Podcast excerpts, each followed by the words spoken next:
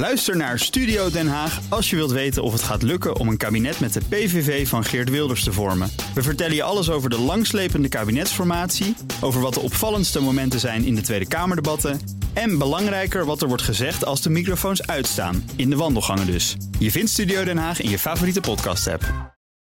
Vier minuten over half vijf, fijn dat je luistert. Onze redactie werkt nog aan veel nieuwsverhalen. De situatie in Afghanistan die leidt tot veel verhitte politieke debatten. Niet alleen het Nederlandse debat, dat was ook erg pittig... maar ook in het Verenigd Koninkrijk ging het er stevig aan toe. Parlementariërs die hebben veel vragen over hoe de Taliban... zo snel de macht konden grijpen en over wat de gevolgen nu zijn. We will judge this regime based on the choices it makes... and by its actions, rather than by its words.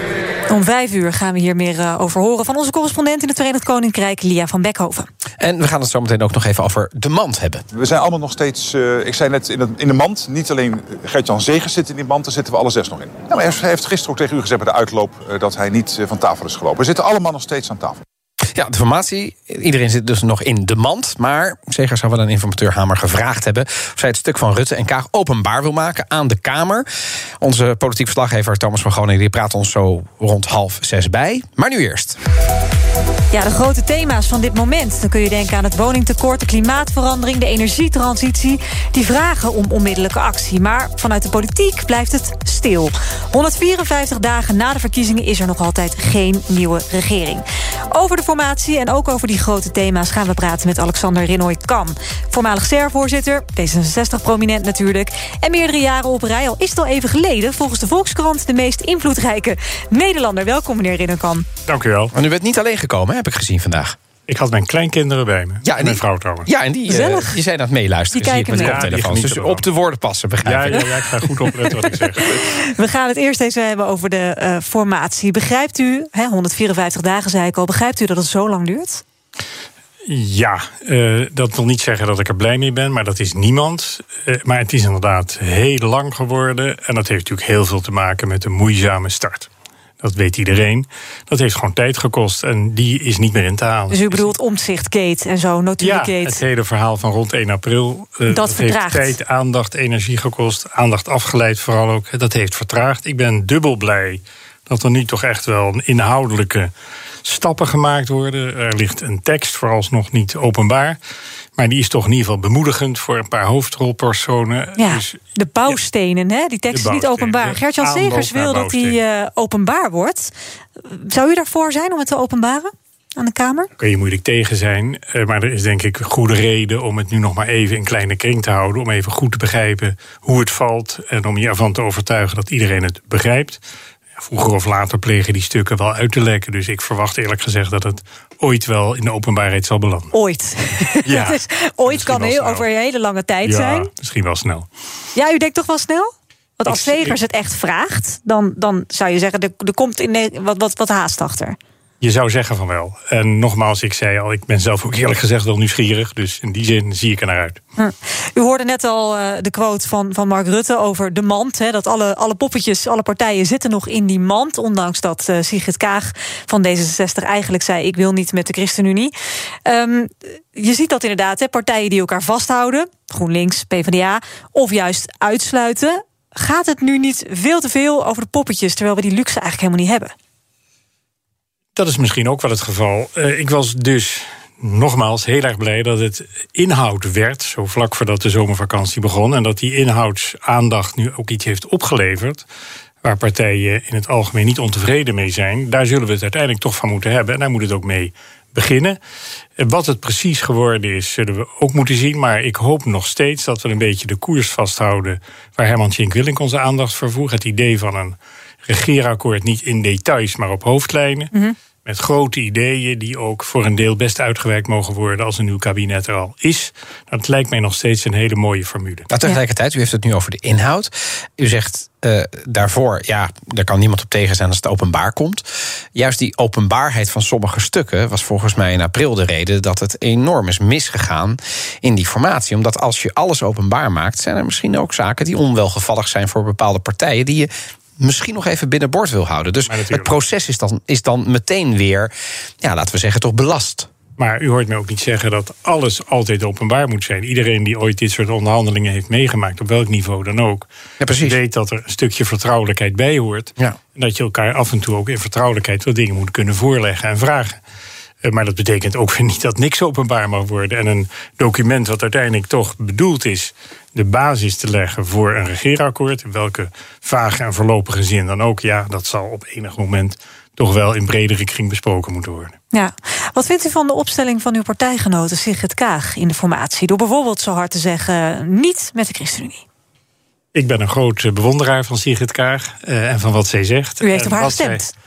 Ik heb op haar gestemd, dat zal u niet verrassen. En eh, ik vind eerlijk gezegd dat wat zij heeft gezegd, eh, waar u net naar verwijst, ook helemaal geen nieuws was. Eh, het feit dat sommige partijen populairder zijn dan andere.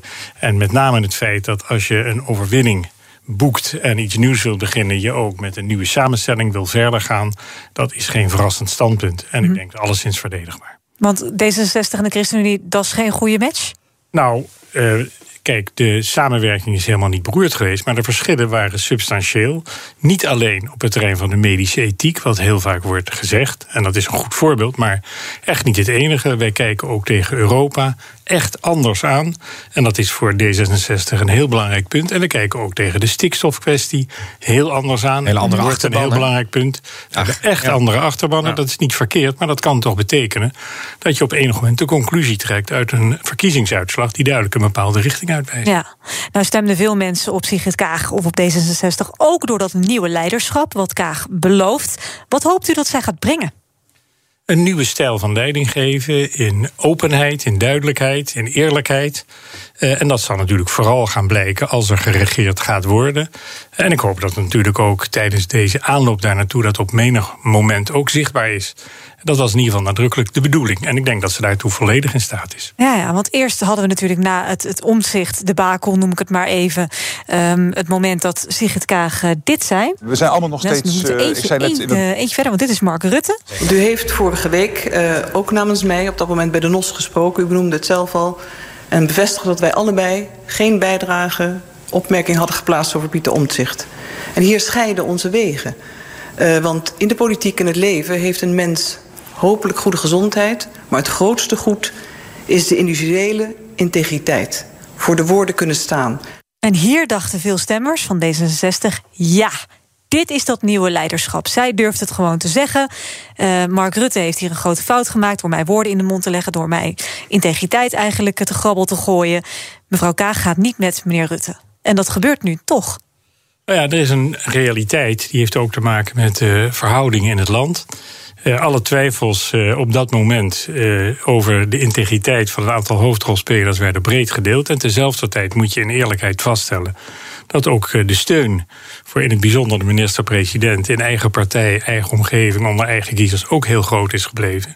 Dat is ook deel van die realiteit. En dit is nu het vervolg waar we het beste van moeten maken. Ze kunnen niet zonder elkaar stemmen-wise. Het begint er aardig op te lijken.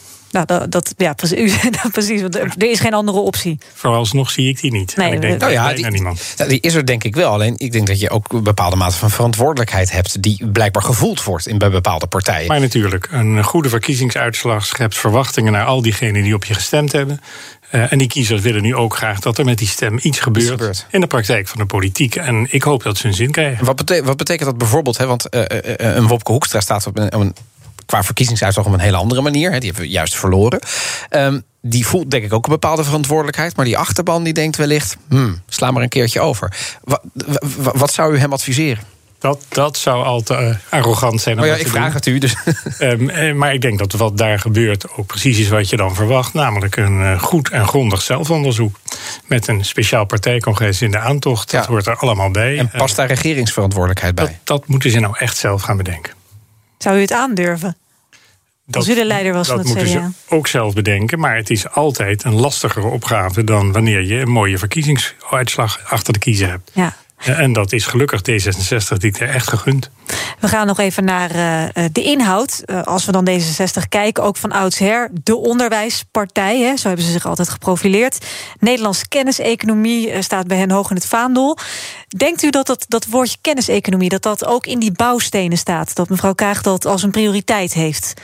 Genoemd. Ik kan me moeilijk voorstellen van niet, maar ik weet het natuurlijk niet zeker. Wat voor mij echt vaststaat, is dat dat thema kennis voor de komende jaren onverminderd urgent blijft. En bovendien dat het de laatste jaren echt wel onder druk gestaan heeft. Onder invloed van een paar eh, hele nare ontwikkelingen. Misschien wel de allernaarste toch de achteruitgang in de prestaties van het systeem, zoals die internationaal worden gemeten en vergeleken. De toegankelijkheid en met name ook de bijdrage die het onderwijs levert aan maatschappelijke gelijkheid staat onder druk. Het probleem van de leraren, kwantitatief en kwalitatief. Mhm is onverminderd onopgelost. Dat zijn grote kwesties. En voor de toekomst van het land, van een volgende generatie, misschien wel de allerbelangrijkste. Ja, ja dus u, u zet het eigenlijk in hetzelfde rijtje als op dit moment de klimaatcrisis, het woningtekortcrisis. De kenniseconomie is een crisis, wat u betreft. In ieder geval een opgave die niet verwaarloosd mag worden, net als de andere die u noemt. Kijk, dat nu de klimaat, duurzaamheid, energie kwestie zo centraal staat, dat hoeft niemand uitgelegd te worden. Nee dat de woningkwestie centraal staat, dat hoef je nog in Amsterdam, nog elders iemand uit te leggen. Dus dat hoort er allemaal. Maar vindt u dat we hier kunnen spreken van een crisis? Um, ja, dat vind ik eigenlijk wel. Maar wat mij eigenlijk wel weer bemoedigt, is dat als het gaat om de oplossingsrichting er toch heel veel consensus is. Niemand is tegen onderwijs. Niemand onderschat het belang van die kennisgelijkheid die wordt gecreëerd, de kansengelijkheid die het gevolg is van een goed kennissysteem. Niemand negeert de klimaatkwestie in zijn volle omvang inmiddels. Niemand onderschat de energieopgave. Niemand onderschat bijvoorbeeld ook wat er op de arbeidsmarkt moet gebeuren. Hm. Mij treft dat juist de aard van de oplossingsrichtingen vaak breed gedeeld wordt. En dat nu echt de zaak is om een kabinet tot stand te brengen dat aan die oplossingen gaat werken. Ja, het is een enorm pakket wat u noemt. En ook allemaal een pakketten die gigantisch veel geld zouden kunnen kosten, in theorie. Uh, maar u zegt die kenniseconomie moet daar onderdeel van zijn. Die kun je niet laten liggen en doorschuiven naar het volgende kabinet. En dat is al heel lang zo. En wat moet dan als eerste gebeuren, als laatste nog concreet? Wat, waar, waar moet dan als eerste dat geld naartoe gaan? Want u noemde verschillende dingen wat samen die crisis maakt. Wat is de meest urgente? Mijn idee is dat er eigenlijk op dit moment uh, heel veel geld ligt ineens. Waar iedereen door verrast is. De beroemde 8,5 miljard. En dat we als eerste eens even zouden moeten gaan kijken met elkaar wat we daar precies mee gaan doen. Dat is echt veel geld. Daar kun je in de volle breedte van die agenda die ik net kort samenvatte, kun je stap in de goede richting zetten. Laten we dat niet overhaast doen. Laten we het niet weggeven en achteraf constateren dat het toch niet optimaal besteed is. Maar laten we eens rustig nadenken wat we met zo'n mooie bijdrage de komende jaren kunnen bereiken. Nog één allerlaatste vraag dan. Bent u te bellen voor een ministerspost? Nee, nee, nee, zeker niet meer. Ik heb Klaar. kinderen. Ja, nou ja, dan, nog, dan nog kan het nog steeds. Maar u, u, u, heeft, u weet uw tijd leuker te besteden. Nee, dat de prioriteit is duidelijk. Ja, dat is mooi geweest. Hartstikke mooi. Dank u wel voor uw komst naar de studio. Alexander Renoy-Kan, hoogleraar nu, oud-voorzitter en uh, D66. Ook Liesbeth Staats vind je in de BNR-app. Ja, heel handig. Luister live naar Kees en mij tijdens de Daily Move. Dan blijf je ook gelijk op de hoogte van breaking news en het laatste zakelijke nieuws. En daar vind je ook alle BNR-podcasts, waaronder de Perestrooikast. Download nu de gratis BNR-app en blijf scherp.